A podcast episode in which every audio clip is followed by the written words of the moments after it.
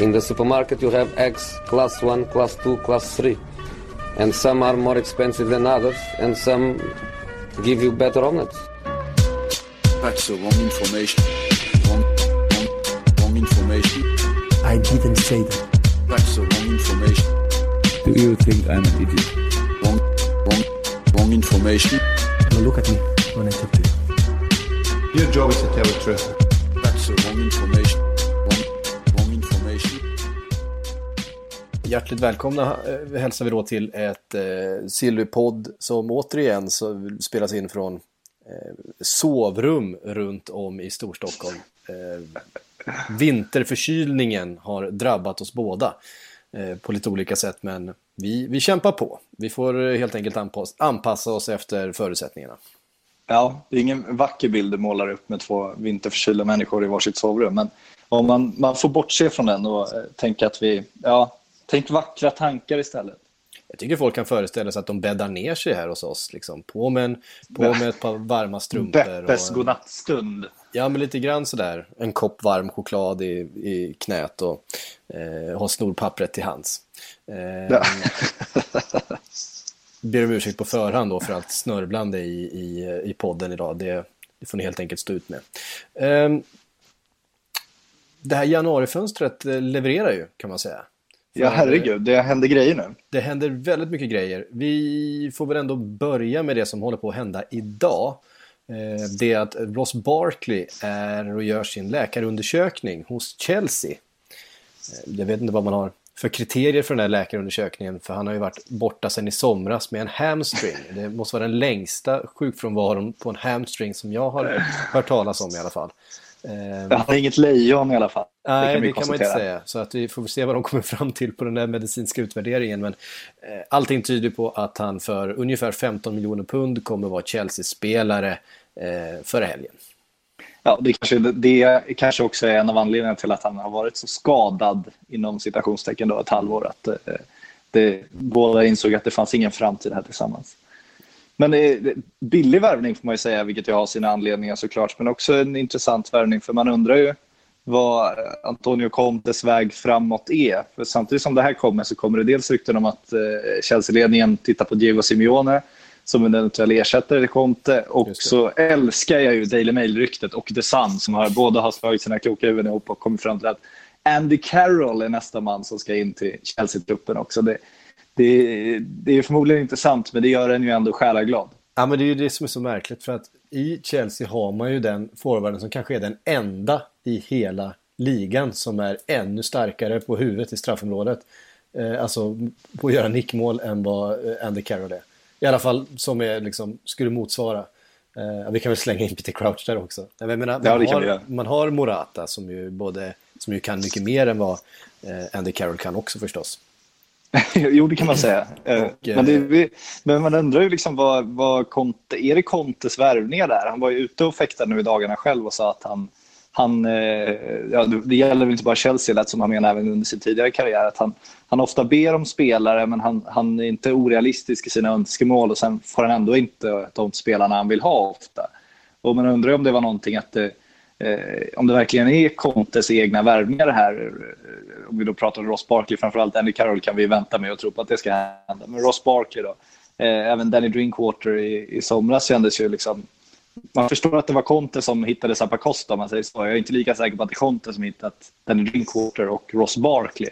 Nej, det här har väl med homegrown-regeln också kanske att göra. Ehm, det var ju verkligen... Ja, så, så, så var det ju. Men, men, men ändå frågan, eftersom han ändå säger det här samtidigt också, Conte, att, att han ofta inte får de spelare han, han framförallt pekar på, att han inte har några, några orealistiska krav. Så, så om de då tar in Ross Barkley, är det en värvning till Antonio Conte eller är det en värvning till Chelsea för en framtid utan, eventuellt utan Antonio Conte? Det, det har, ju, har ju gnisslat där om man säger så, även fast det, det ser helt okej ut i ligaspelet. Mm. Um, ja, men vad... Alltså, anledningen till... Det, nu pratades det om att eh, Chelsea ville lägga eh, 35 miljoner pund på Ross Barkley i somras. Eh, sen gick han sönder, men han var ju också så att han, att han själv backade den gången. Eh, nu får man 15 istället efter att eh, han har varit borta sen, ja, sen försäsongen. Han har ju inte spelat en enda minut eh, den här säsongen. vad, vad förväntar sig Chelsea få, tror du? Får de någonting den här säsongen överhuvudtaget från Barkley? Varför köper Det är de så honom svårt- nu, liksom? För lägga de här 15 överhuvudtaget? Jag tycker allt är ganska konstigt. Det är så svårt med den här skadan. Man vet ju inte om det är liksom, om man verkligen inte har varit spelduglig eller om det har skurit sig. Eftersom man nu går så, så billigt så har man ju många, många anledningar att tro att det liksom har hänt något bakom kulisserna där också. Men han känns ju inte riktigt som en Chelsea-värvning på det sättet. Alltså, det här Tottenham-ryktet kring Barkley kändes ju ganska logiskt på många sätt. En, Ja, det en kändes ung ju spelare. rimligt på något sätt. Ja, men precis. Han är fortfarande bara 24 år. En, en ung spelare i Tottenham kan, kan få fart på i en klubb som liksom inte har möjlighet att ta de här allra största. Och, och som då, eh, liksom, precis som med Christian Eriksen, när de liksom hittade en... en eh, de, de lyckades sno en, en supertalang framför ögonen på andra och, och gjorde honom bättre än vad han var.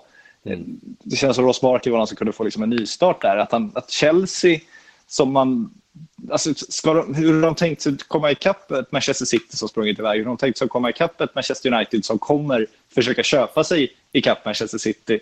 Ska de, har de växlat ner nu? Är Abramovic liksom, är han klar med sin jättesatsning? Ska det här rulla på nu eh, och gå runt ekonomiskt och tjäna lite pengar till honom? Är han liksom färdig med sina gigantiska ambitioner? Och, och om det bara ska rulla på, tror de verkligen att de kommer komma ikapp eh, Abu Dhabi understödda Manchester City? Det, det, känns, det, det är ju en budgetvärvning, det går inte att komma ifrån det här. Och det är ju som du säger, man vet ju verkligen inte vad de kommer få. Det, är, det här är ju inte en värvning för att, för att spetsa truppen och, göra, och liksom sätta ton för en nysatsning, utan det här känns ju som en, som en billig chansning.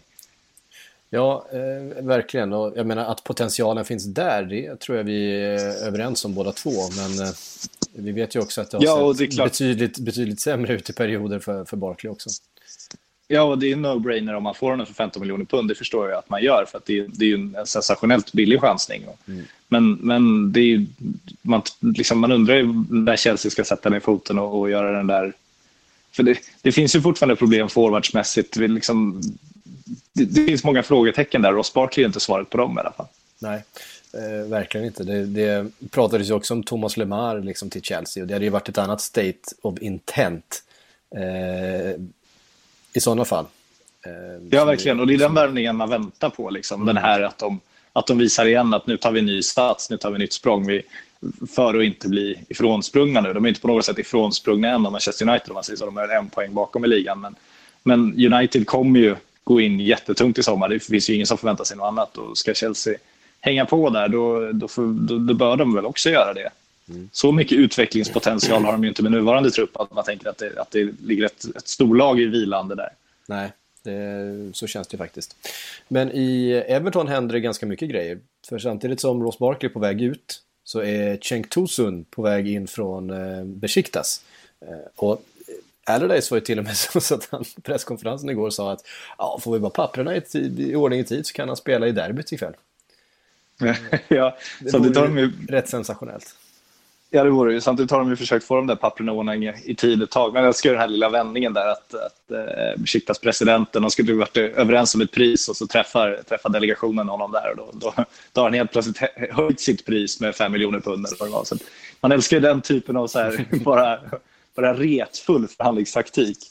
Eh, och, och han är ju i, i England, Tosen. Han har ju lagt upp bilder på Instagram när han befinner sig i England och vi har ju fått se videos på besiktas supportrar som, som gråter av eh, förskräckelse över att förlora honom. Så att, att det ska bli av är väl bara, har väl varit en tidsfråga några veckor nu. Ja. Eh, och det är ju precis en spelartyp som Everton behöver just nu känns det som. De behöver ju någon som kan göra mål och det kan ju han göra. Eh, samtidigt är han kanske inte den... den Jag, jag älskar att du, att du? Jag gillar att du gjorde om spelartyp till, till kan göra mål. Det tycker jag. Vilken spelartyp är han? Nej, han är en sån som kan göra mål. Det tycker jag var roligt. Jag tycker det beskriver honom ganska bra. Nej, men han är väldigt teknisk, eh, väldigt duktig forward tycker jag. Eh, Mm. tyskfödd, eh, fostrad i, eh, i Tyskland. Eh, men spelar för turkiska landslaget nu då. Han har väl U21-landskamper också Ja. för Tyskland. Eh, men Det men, men det, han, det han inte är ju inte den här djupledslöparen eh, direkt. Nej, och de har väl inte varit ute. Om man tänker på att Giroud var drömvärvningen i somras. Nu har de blivit tränare och sådär, så det kanske finns andra strategier det är där lite också. det som men- man funderar på. För jag menar, Allardyce vill ju... ehm, han vill ju gärna ligga rätt lågt. Han vill ju sätta en, en defensiv eh, och kunna kontra. Eh, Jag skulle inte säga att Cenk Tosun är liksom en kontringsspelare i första hand. Han är ju en, en eh, verkligen en center. Han är ju väldigt teknisk. Så att det är en spelare som skulle kunna fungera väldigt bra liksom, i target och någon som kan låsa fast bollen och så vidare. Att, att flytta upp spelet mer. Men också jätteduktig i straffområdet. Jag har gjort mycket mål för Besiktas. Och för turkiska landslaget. Eh, men eh, undrar om inte Everton kommer investera än mer. Kanske inte nu i januari, men eh, det känns som att de behöver förstärka den där offensiven ytterligare med någon spelare. Ja, det lär de göra. De, de visade ju ändå intentioner i somras. Nu fick de ju det finansierat av en Lukaku-försäljning till stora delar, men, men de, de, de tog ju sats då. Det får man ju ändå ge dem. Sen, sen hade de varit väldigt kortsiktiga i sitt tänk och när de misslyckades med den där anfallsvärvningen så föll väl stora delar av hela, hela filosofin också. De stod där utan någon reservplan, så det var väldigt illa skött. Men, men ambitionen går inte att klaga på och den lär väl inte ha förändrats. Men 30 miljoner sägs det väl landa på, va? Pund. Ja, vi får väl se när Besiktas, Besiktas presidenten har bestämt sig.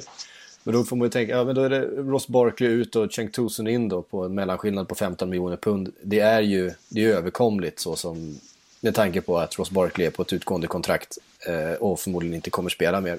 Hade inte spelat så mycket mer för Everton ändå. Nej, så är det ju. Sen samtidigt om man backar bandet två år och säger att Ross Barkley skulle försvinna för 15 miljoner pund så hade man varit inte, varit, inte varit jättenöjd som Everton-supporter tror jag.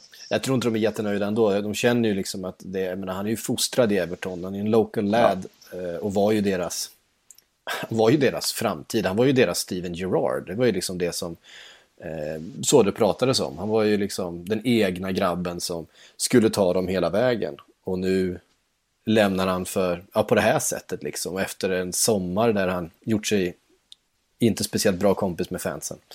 Det känns ju sådär faktiskt. Ja, man får, det är en balansgång det där. Det, man måste sälja i tid. Det, är ju det är spelarnas, spelarnas marknad mer och mer. Så Mm. eh, det, det, det ser man ju på Arsenal om inte annat. Ja, ska vi eh, gå till Arsenal då och en eh, Theo Walcott som... Ja, det är inte Theo Walcotts marknad, det är det inte. Nej, det, det vore synd att säga. Eh, Theo Walcott som siktar på Milan vad det verkar. Ja, det känns, jag älskar de här när det kommer den här typen av rykten. Och så, ja, Theo Walcott på väg till Milan och så läser man så här, menar, vad- är egentligen liksom grundformuleringen? Då är det ja, men Theo Walcott har erbjudit sig till Milan. Och det, det säger väl en hel del om, om Theo Walcott och hans status just nu. Han är desperat jakt efter eh, speltid inför eh, Eh, VM i sommar. Och, eh, ja, han vet väl som många andra att Milan eh, sitter inte så bra till och eh, har en, en tradition av att kunna låna eh, och även ge sina lån ganska stora möjligheter att spela sig in i laget. Så att det, ja, men det, det, det osar desperation på alla sätt och vis. Frågan är ju vad Theo Walcott kan tillföra för Milan just nu. Det är ju inte... Alltså om vi, om, om vi tänker att eh, Ross Barkley var liksom en framtid som inte riktigt blev som man hade tänkt sig så får vi väl... Då, då är ju liksom Theo Walcott gånger, gånger fem på den, eller något. Ja, men han är väl nya Alexander Pato, är han inte det? Ja, det är kanske en bra liknelse. Det, Ja, han är snabb men ingen vet om han någonsin kommer att kunna spela igen. nej, lite så. Ja, han hoppar ju in då och då den här säsongen i, i Arsenal. Har ju fått spela lite grann, men det har ju inte sett sådär jätteövertygande ut. Eh, känns jävligt märkligt. Vad, jag undrar lite vad Milan ska med honom till. Ja, jag tror inte att det kommer bli Milan. Det skulle förvåna mig väldigt mycket.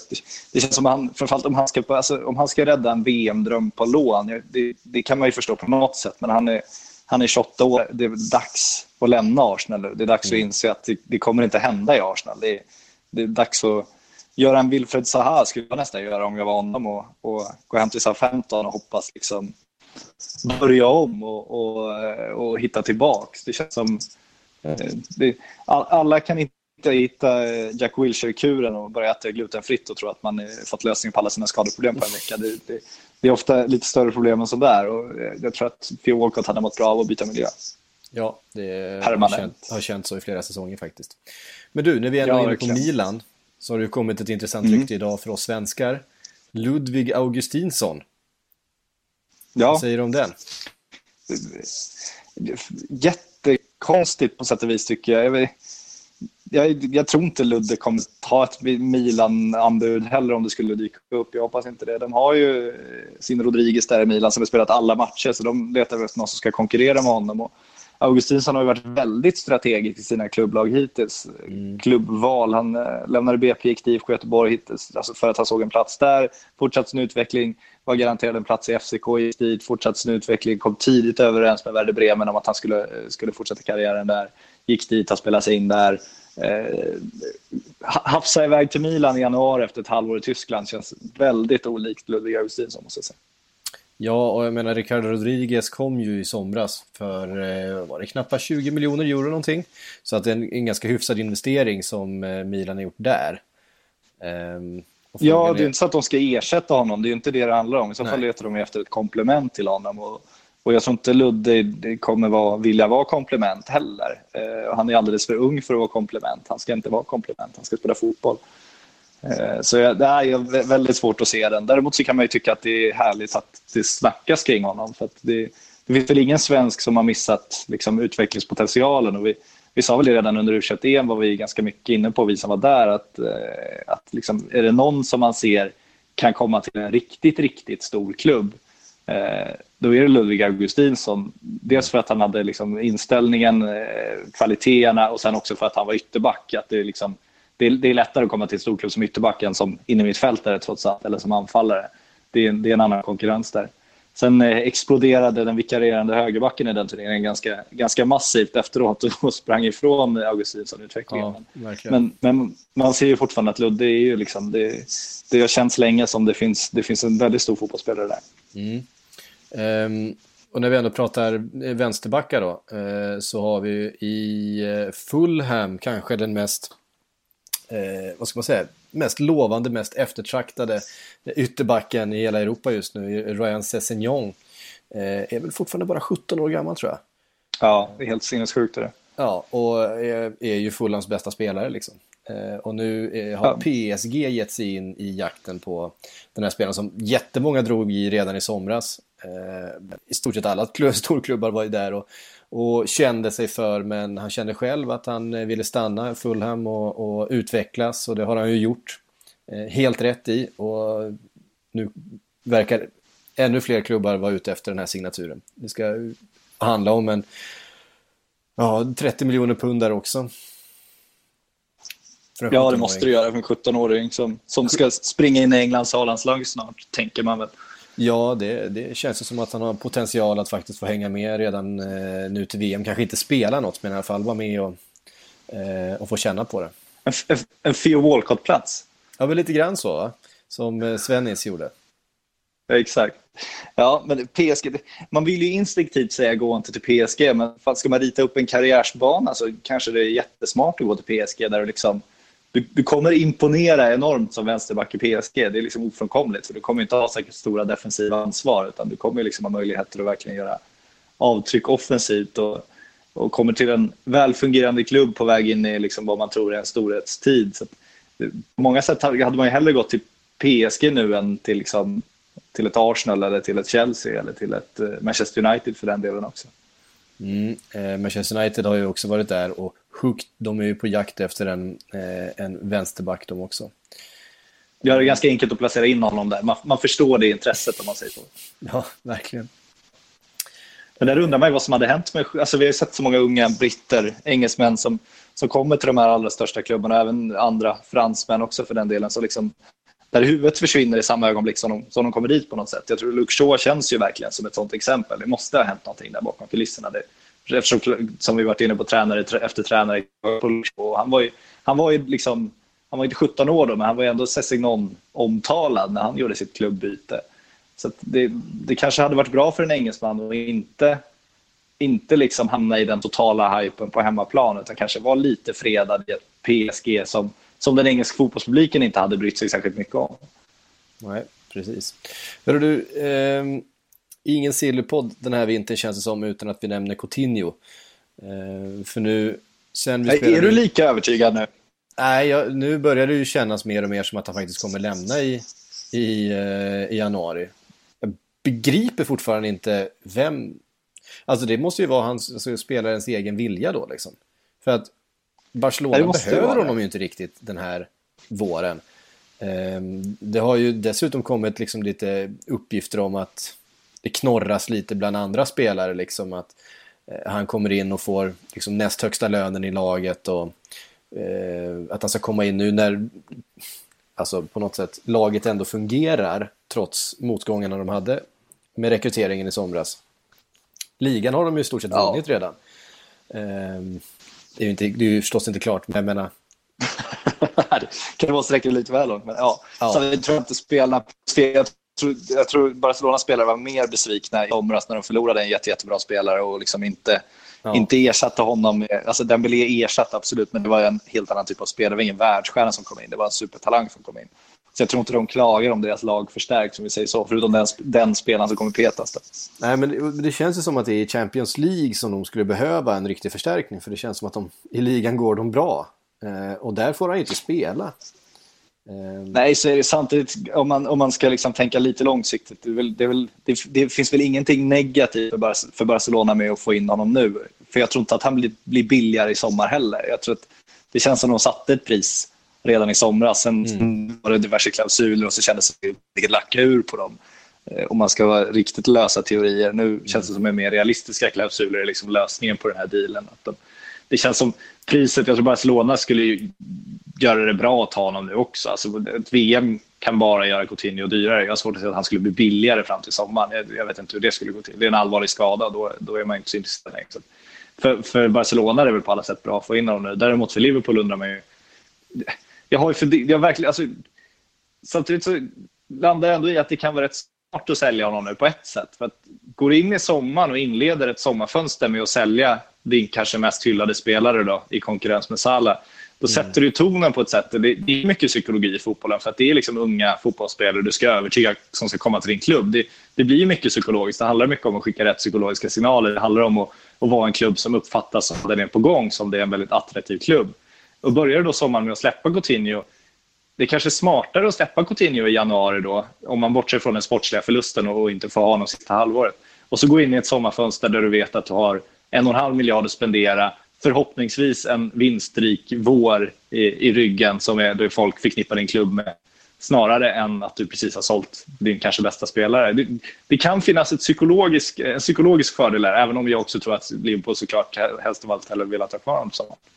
Sen, är ju frågan fall, fall Klopp vill ha kvar honom. Jag tror, jag, alltså jag tror att Klopp ville sälja honom redan i somras. Han vill inte ha spelare som har sitt huvud någon annanstans. Sen att Coutinho har varit väldigt bra den här säsongen och det inte har liksom, det har inte märkts på hans prestationer att han har varit missnöjd på något sätt. Men eh, för Klopps del så kändes det redan som i somras att han, och han har ju varit sån, han var ju sån i Dortmund också, vill en spelare lämna så är det tack för den här tiden. Liksom. Han har ju liksom inte tvingat kvar någon i Dortmund utan där, där lämnade ju stjärnorna på löpande band eh, istället. Ja, sen, sen kom de tillbaka, de som misslyckats. ja, exakt. Ehm, Ja, nej, men, och det är så filosofi. Jag tror inte, alltså, det- man, finns det något lyckat exempel på någon spelare som hållit kvar mot sin vilja? Ja, David de Gea kanske, man, som man kommer på direkt. Men annars känns det som liksom, Suarez-lösningen är den normala. Att det går ett, år, ett, ett år som ibland är väldigt lyckat och ibland är väldigt misslyckat. Och sen så blir det ofrånkomligen så att spelare lämnar ändå utan att det hänt varken särskilt mycket med priset eller någonting. Utan det är liksom, kanske bättre att klippa de banden och, liksom, och ladda för framtiden. Men, men man undrar om de, om de tänker, tänker sig att ersätta Coutinho redan i vinter. Alltså, för Ita verkar ju bli kvar i, i, i Leipzig, vad det verkar. Och Lemar, där är ju senaste uppgiften att han, att han också kommer stanna till sommaren. Eh, Monaco Mm. var ganska tydliga med att ingen kommer lämna under januari och alla spelare är införstådda med det. Alltså då, då, är det ju, då, då står de där med en lite sportslig ändå, försvagning som ju, eh, kanske kan bli kännbar. Ja, så är det ju eh, verkligen. Och jag tror att eh, även om man får in en ersättare så kommer inte den spelaren eh, komma rakt in och starta matcher. Alltså, Nej, han kommer inte nå samma nivå på en gång, absolut inte. Men, men det, känns, det hade ju ändå varit någon slags ambition att, att försöka ersätta honom redan nu. Jag vet inte om den ambitionen. ja, nej, vi får väl se. Nu, eh, eh, jag tror att Liverpool känn, själva känner att de har eh, eh, gjort det de, de ville göra den här vintern. Var att plocka in van Dijk och adressera de problemen. Eh, sen tror jag man löser resten. Say hello to a new era of mental health care. Cerebral is here to help you achieve your mental wellness goals with professional therapy and medication management support. 100% online.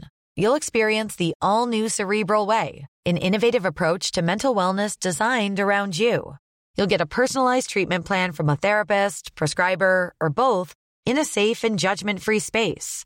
Your cerebral therapist or prescriber will outline a customized plan with clear milestones along the way so you can get to feeling your best. With Cerebral, you're not alone in your mental health journey.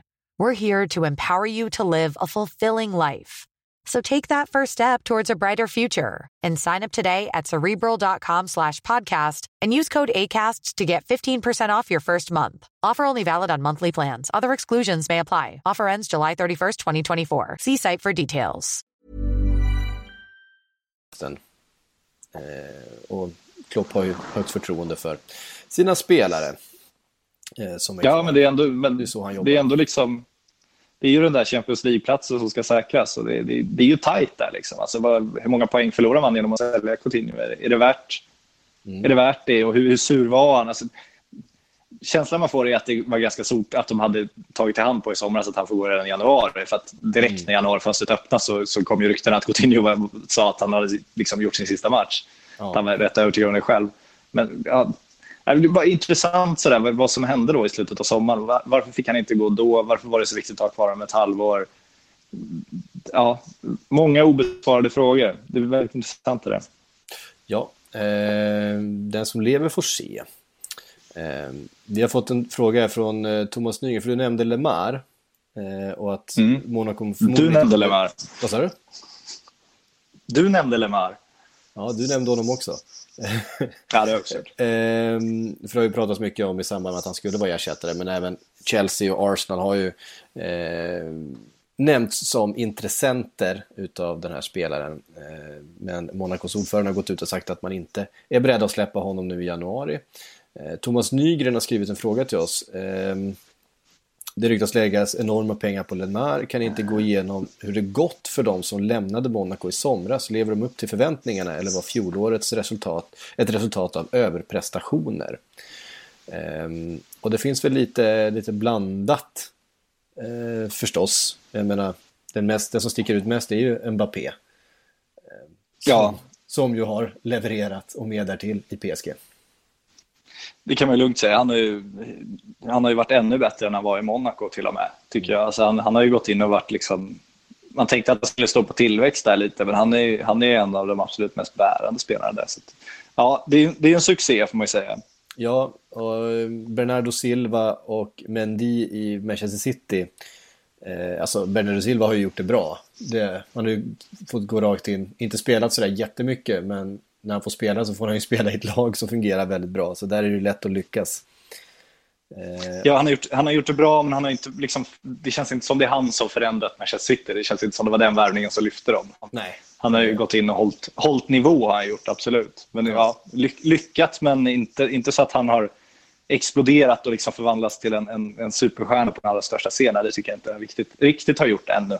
nej, och han har ju inte fått chansen heller. Han har ju inte Nej, varit startspelare, han har ju varit eh, inhoppare. Eh, Så ska man ju 14 och så skaffa sig själv chansen, eller hur? Det kan man ju göra, men jag tror också han står, han står på tillväxt. Ja, eh, för att absolut. ersätta en annan Silva som börjar bli eh, kanske lite till åren, man ser väl en. Han var förstås väldigt, fortsatt, fortfarande väldigt bra, men eh, det är klart att eh, den bredden kommer behövas med tiden. Sen har vi Ja, Benjamin. Mendy som ju gick sönder, så det är svårt att utvärdera honom. Han började ju väldigt bra i- City, men eh, har varit skadad länge. Gjort succé i sociala medier, va? Det är väl liksom det Ja, starkaste. det har han gjort. Verkligen. Ja, herregud. Så profil har han blivit. Mm. Han är ju Frågetecken... nästan en, en av deras största profiler nu. Ja, det får man ju säga. Alltså, han är ju en, han är en fröjd i sociala medier. Ja, ja, ja, verkligen på alla sätt och vis. Eh, så det tycker man, Otroligt ju, stark tycker man ju verkligen om. Och sen så är det Bakayoko i, eh, i Chelsea. Och där kan man väl kanske sätta ett frågetecken. Eh, det känns som att han inte har kommit upp i den nivån som, som Chelsea har hoppats. Nej, verkligen inte. Men där blir det så svårt. Man tycker Bernardo Silva har varit bra, men också, hur, hur, hur stor anledning är det att Manchester City är så bra? Är det därför Bernardo Silva är så bra? Eh, Bakayoko kommer till ett Chelsea som, som resultatmässigt går bra, men spelmässigt kanske det känns fortfarande som det finns en hel del frågetecken där. Och han, han är ju ett av frågetecknen, men hade han varit ett lika stort frågetecken i ett, i ett så välsmörjt Manchester City hade liksom hans tröghet som man upplever det varit lika, lika uppenbar där. Det är så svårt att värdera, men han har ju absolut inte gjort den, den succé Chelsea hoppades i alla fall. Um, precis. Och Manchester City nämnde vi precis. Eh, Mendy skadad. Vi har pratat mycket om att eh, Pep Guardiola är ute efter en ny mittback. Eh, Johnny Evans har vi pratat om, men Inigo Martinez från eh, Real Sociedad är väl den som ändå kanske känns hetast just nu. Det snackas ju också om ett, ett bud på uh, Umtiti. Um, mm. Men han har väl en rätt hög utköpsklausul. Det skulle väl vara billigare att ja. plocka in uh, Inigo Martinez. Inigo Martinez är väl lite billigare. Det pratas om att det finns rätt, rätt låg klausul där också. Mm. Eh, sen Umtiti har ju en ganska låg klausul. Alltså, allt under en halv miljard nu är ju reapris och ligger väl där någonstans. Eh, så att om man ser till vad han har gjort för Barcelona och när är 23 år fortfarande så är det liksom en 24. En, en hade varit en, en, superförstärkning. Så jag tror att om de hade haft möjlighet att ta Umtiti tror jag de hade tagit Umtiti.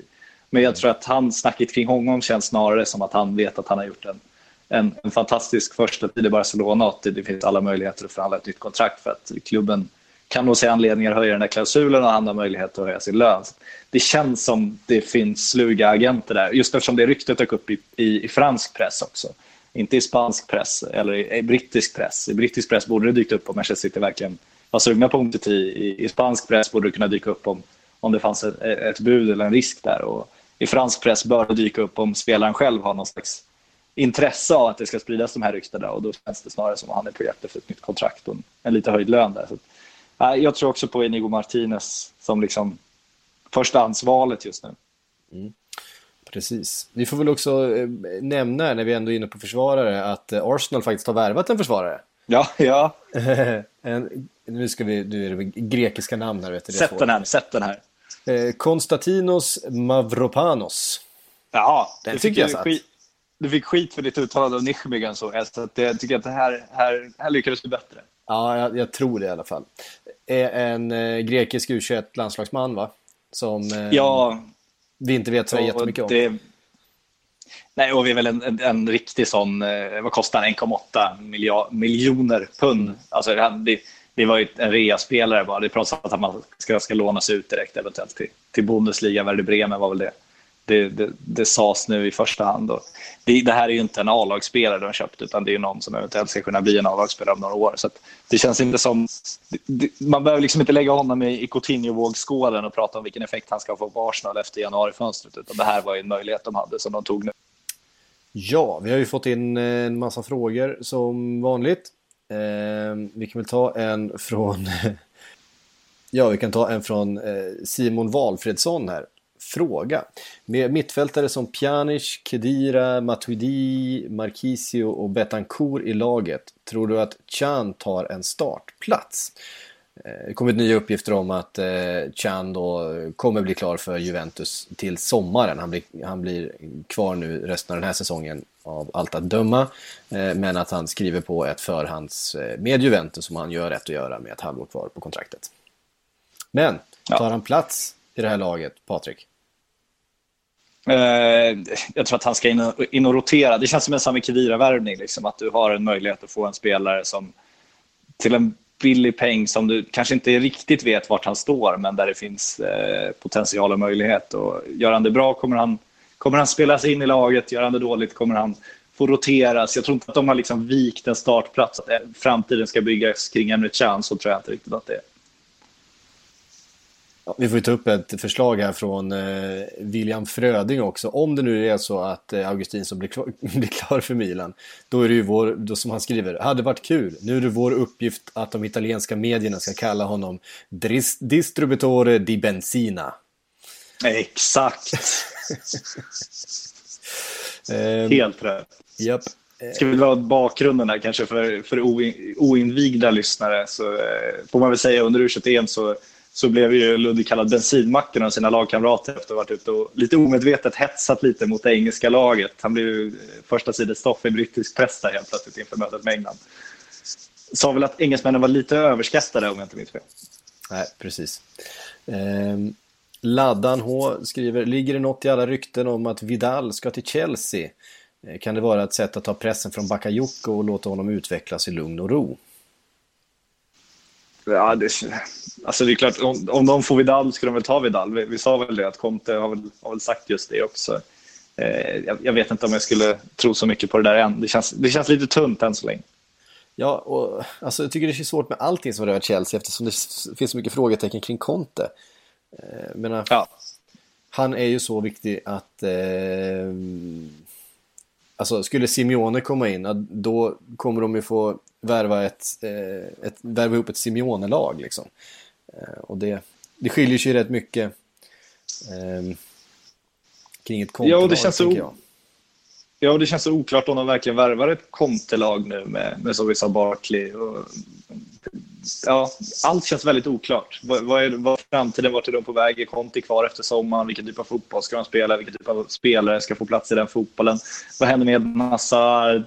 Courtois sa ju att han ska stanna nu, men vad, vad händer om Real går in på allvar där? Det, det känns så liksom... Det, det, det känns som också hela Abramovic-projektet känns det som de är som frågetecken nu. Hur mycket pengar finns det? Hur stort intresse har han?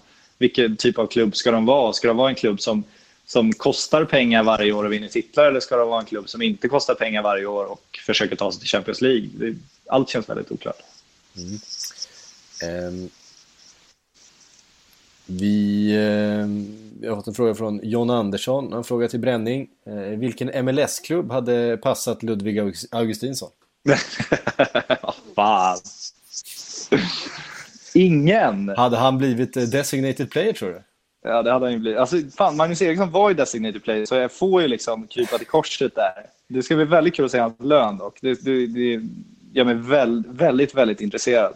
Och sen ska jag också faktiskt krypa lite till korset på Tinnerholm, för att han går ändå till New York City. Och det gör ju liksom att, att vägen till Manchester Citys startelva ligger ju öppen genom de här samarbetena. Det är det han ser. Det måste vara det han ser. Eller Melbourne City. Det kan Eller Melbourne också. City. Ja, vi får se. Det skulle ju vara speciellt att dra till Australien och spela lite fotboll. Vi har, har vi haft någon Ja, svensk i absolut. Australien? Jag kan inte tänka mig det va? Ja, det är i så fall någon sån här gammal, gammal avdankad superettan-spelare som gjort, gjort en bra, bra säsong i solen. Jag vet faktiskt inte. tittar här i vår egen Silly-blogg och precis just nu så kom det en, eh, en ny uppgift att eh, Liverpool ska vara intresserade av Alexis Sanchez som ersättare för Coutinho. Det ger jag inte speciellt mycket för. Om jag ska Nej, jag tror. Don Ballon som börjar med det där. Så jag- det räcker väl att säga att det är Don Ballon som börjar med det där. Men det är klart Liverpool hade varit intresserad av Alexis Sanchez. Det är klart de hade varit det. Men jag tror inte Alexis Sanchez är särskilt intresserad av Liverpool. Jag tror fortfarande han är överens med Manchester City sen, sen Ja. lång tid tillbaka. Så jag Det tror tror att jag han är också. City-spelare. Ja, dessutom, eh, alltså, långt från en Liverpool-värvning nästan man kan komma. Han är för gammal och för dyr eh, för att de skulle göra den, den typen av investering just nu. Det är liksom inte så Ja. Liverpools ägare fungerar. Nej, men det är så Manchester Citys ägare fungerar ju. Ja, de har väl Ja, gett möjlighet de- de- där. Så de- där, de- där förstår de- man. De bryr sig ju inte om, om pengar på det sättet. Nej. Ehm, det är principen herr Månsson som eh, han sa i filmen. Eh, Du jobbar vidare med den referensen alltså? Ja, Jag tror, inte, den, jag tror inte den överlevde klippningen i förra, Ah, okej. i förra avsnittet. Men eh, ja, det blev, en, det blev en, en, en misslyckad parallell till den klassiska Den enfaldige mördaren. Eh, där Hasse Alfredsson eh, så eh, ondskefullt bränner pengar och säger det är principen herr Månsson. Eh, ju, Ingen förstår vad du pratar om just nu. Så att, ja, det tror jag. ja, okej. Eh, Det tror jag. Yes, vi ska återgå till eh, smärtstillande och eh, stärkande eh, sånt där honungste eller vad man nu gör för att kurera eh, förkylningar i januari. Eh, men vi avrundar väl med en eh, avslutad karriär, Patrik. Ja, Johan Elmander har ju precis meddelat nu när vi sitter i detta nu med våra snusdukar och våra eh, stärkande teer att han, han avslutar sin fotbollskarriär. Eh, vilket ju är mer, mer en kittlande uppgift än en, en sorglig sådan eftersom det, det pratas ju om en eventuell ledarroll i Galatasaray där, att det ska vara, finnas någonting på gång. Och eh, är det så så är det ju intressant. För att vi sitter ju och väntar på att någon av våra gamla storspelare faktiskt ska, ska lyckas med sin tränarkarriär. Man trodde Henke Larsson var på gång lite, men eh, det har inte riktigt lyft om man säger så. Nu åker han runt och är spelbolagsambassadör och vägrar ge intervjuer med media, men tvingas ge intervjuer med media för att, han, för att hans spelbolag ska få reklam. Vilket är en härlig symbios när det sker. Ja, Eh, välkomna till 2018. Exakt. Där eh, Bayern München tydligen får vad var det, 40% av sina intäkter från digitala affärer nu för tiden. Det är också 2018. Ja, det är, det är också väldigt intressant ju. Men ehm, Ja, man har ju väntat på en ny svensk tränare som är, som är ute i Europa och ju- sätter några avtryck. Jag menar, Svennis har ju dragit det lasset i, i två decennier. Eh, och herregud, honom ska vi inte Ja, räkna du har ju bort Micke än så länge. Stare nu ju. Va? Ja, Du Micke har ju Stare Micke i MLS. nu. Eh, Eller hur? nej, men, Fan, det är raka vägen uppåt. ja, och Back, Backe var nere i Grekland en sväng och eh, Ja. Är, Magnus Persson var på Estland. Estländska landslaget räknar jag faktiskt inte som att vara ute i Europa och Ja, göra avtryck. fan. Eh, Vad nej, fan. jag, jag är ledsen. Men, eh, men man man har svårt att se. Alltså, det är ju Henke Larsson. Alltså, det ska ju till kontakter. Det är ju det som, Ja, det, det det. som krävs. Jag älskar den här detaljen att Stefan Schwarz eh, fortfarande sitter i Portugal och har ett helt team redo på att någon ska ringa och erbjuda honom ett jobb. Det är fortfarande ingen som har ringt. Han har suttit där i flera år och väntat. Ja, det är, det är lite fint ändå på något sätt. Men eh, ja, lite sorgligt. Nej, men eh, Johan Elmander kanske. Vi, vi håller tummarna på det. Annars så finns ju en Johan Mjällby. Olof Mellberg kanske. Ja, Jo- Johan Mjällby kanske. Olof Mellberg kanske. Olof Mellberg har ju- jag Börjat bra. Ja, man gillar ju de som ändå liksom är beredda att göra fotbollsjobbet. Inte bara inte den här typen av gamla storspelare som säger att jag behöver ingen utbildning för jag har spelat under de största tränarna. Utan den här typen av spelare som kan tänka sig att kliva ner i en division 1-klubb och, och, och börja jobba på riktigt. Precis. Det, det känns som det är ganska få. Det, det är inte så svenskt att göra så. Alltså, tittar man i, tittar man i Italien eller tittar man i, i England känns det som varannan storspelare eh, går den vägen. Väldigt få lyckas såklart. Men, men när man är nere och gör en, en vända med en, en klubb i andra divisionen eller eh, ta någon klubb nere på undre halvan eller om man är Milan-legendar går rakt in och tar över A-laget. Ja, men det finns, är du Milan-legendar tar du över A-laget, är du Arsenal-legendar tar du något ungdomslag och hoppas få liksom någon expressväg på, för att Arsène Wenger snart ska avsluta karriären. Det känns som alla varit inne och tafsat där bara. Eh, men det finns väl också en skillnad om man tittar Storbritannien. Går du ner fyra steg i det seriesystemet så har du en rätt dräglig tillvaro som tränare fortfarande. Går du ner fyra steg i det svenska seriesystemet så har du ingen lön som tränare. Det blir, finns ju en viss skillnad där. Ja, eh, utan tvekan. Sen ska vi inte glömma bort Fredrik Ljungberg heller. Som vill ha en, någon slags roll i Arsenal. Eh, Ja, är han tillbaka nu? Han fick ju sparken från eh, Wolfsburg var han väl han var assisterande i. ja, precis. Eh, oklar på, jag är inte helt säker på vart han är just nu. Men han har i alla fall de ambitionerna och onekligen kontakter. Eh, Det Seattle. Sounders Lite, lite svårt att se honom gå ner till League 2 också och, och, och liksom göra jobbet på riktigt. Han känns mer som en sån där som ska, ska rakt in i toppen. Ja, precis. Nej, men det, det känns ju inte som, det känns som en annan slags självbild. Men jag menar, Nej, det kan man säga. finns, ett, finns ett jobb i Seattle Sounders på tal om kontakter. Ja, absolut. Han kan, han kan assisteras av Micke Stare efter att han har gjort succé där borta. Det blir kanon. Toppen hörru Patrik, vi är tillbaks i början på nästa vecka igen om, om basillerna och virusen är på vår sida. Eh, vilket de inte har varit riktigt den här veckan. Eh, tack för att ni har lyssnat, tack Patrik för att du var här. Hej!